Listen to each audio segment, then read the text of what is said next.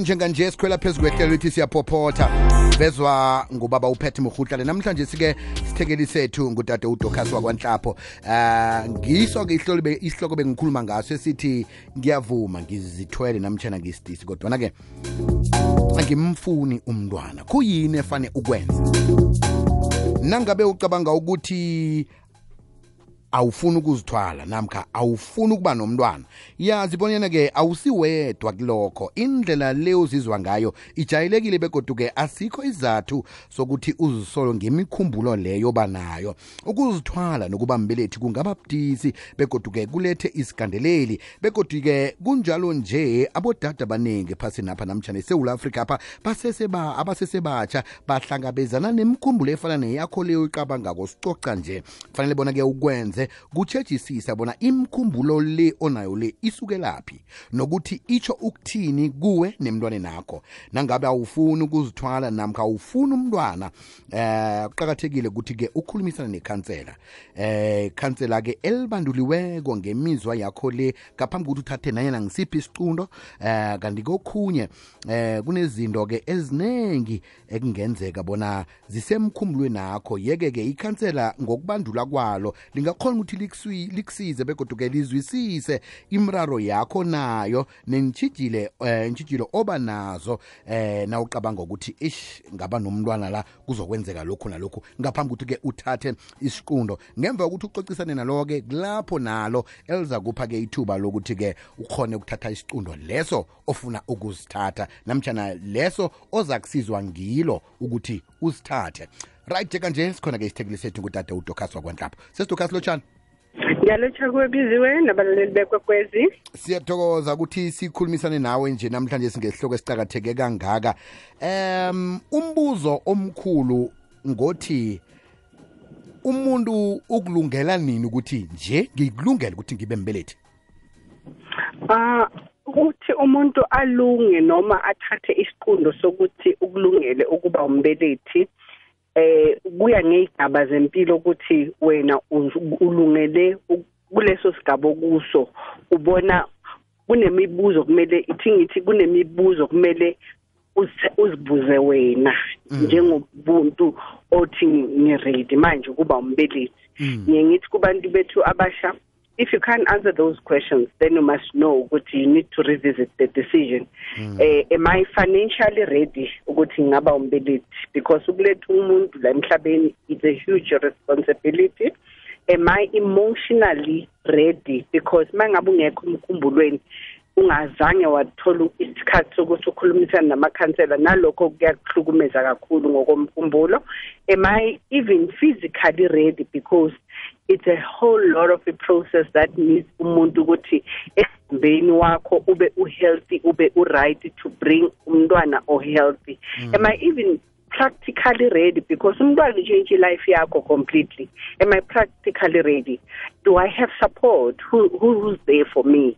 Ozongibonisa ukuthi ngenze kanjani ngisupport regardless of what stages of a life okuyo but those are critical questions ukuthi kumele uzibuze zona Hmm.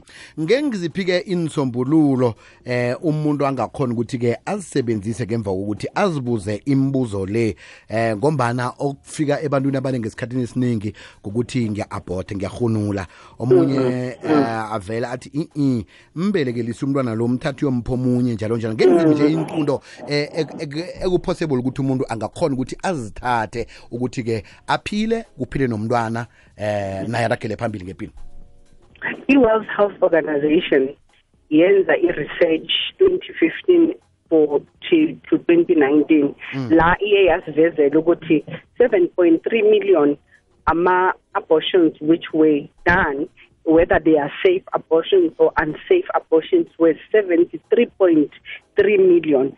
Out of that, from 2010 to 2014, they showed that 45% of all those abortions were unsafe. And then Babuya Bati, about 47,000 of women and girls died or died every year, or 5 million of those hmm. sustained what we call a disability.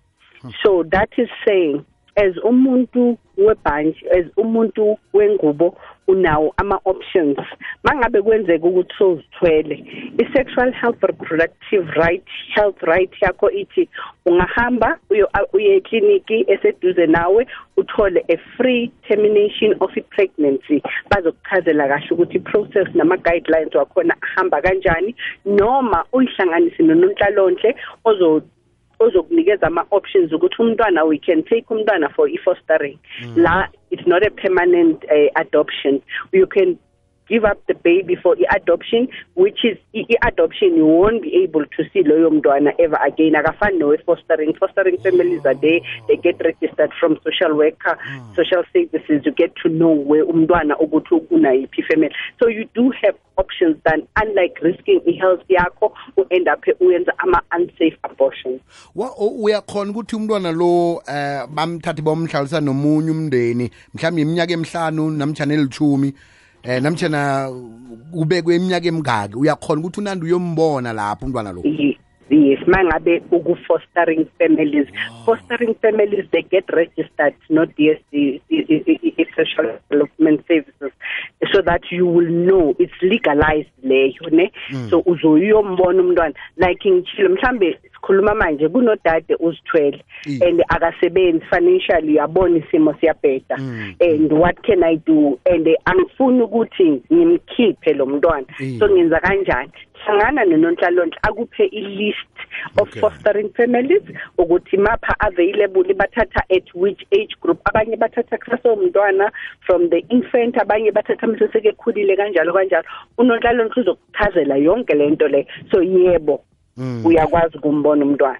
Na umfuna mhlambe uyakhona ukuthi hayi ngiba ukuthi ngimthathe nasekana 10 kuyakhoneka? Ngoba sengi-right sengiyasebenza i-life yami seyi-improvile yes kuyakhoneka. Oh, okay. Manje-ke umuntu oqalene nemiraro efana naleyo ulithola njani isizo kukunje sicela ukuthi asendele i-call back ku-love life ama-counselors akhona ukuthi sikhulumisane naye because nawe you need your emotional support mm. you need counselling you need ukuthi ngokomkhumbulo yazi ukuthatha isiqundo esinjengalesa kukholula ngithi Mm. bakhona ama-counselors ka-love life sicela nisendele i-call back ku-zero eight three three two three ten twenty three noma bathinge ku-facebook page yethu basi-inbox because of i-confidentiality so that we'll have a link that it's is, is linking you straight ukuthi ukhulume ne-council mhm. noma ke bangaya ke kuma kuma social workers aseduze nabo besikhuluma ngalaba aba- aba- abakwi-planning of doing i-termination of i-pregnancy. Please please make use of the government facilities which in this case are your nearest clinic. They are safe. Those are safe places and practitioners abatrainele ukwenza lento leyo begodwa ngeke bakhambe baxoxa indaba zakhe estradeni ukuthi hey phela ufikile izolo. Angithi sizolandela umthetho la. Mhm. Mhm. sesitokasi sithokoza khulu kwamambala siyakhuluma kodwa ngomvumo ngomvulo zako sikhuluma ngesinye kodwa isihloko. Sithokoza kwamambala nami biziwe ahake. Ukuba semkhanyweni ukuba nelwazi. Ikwekwezi yafela kukhanya ba, ba, ba.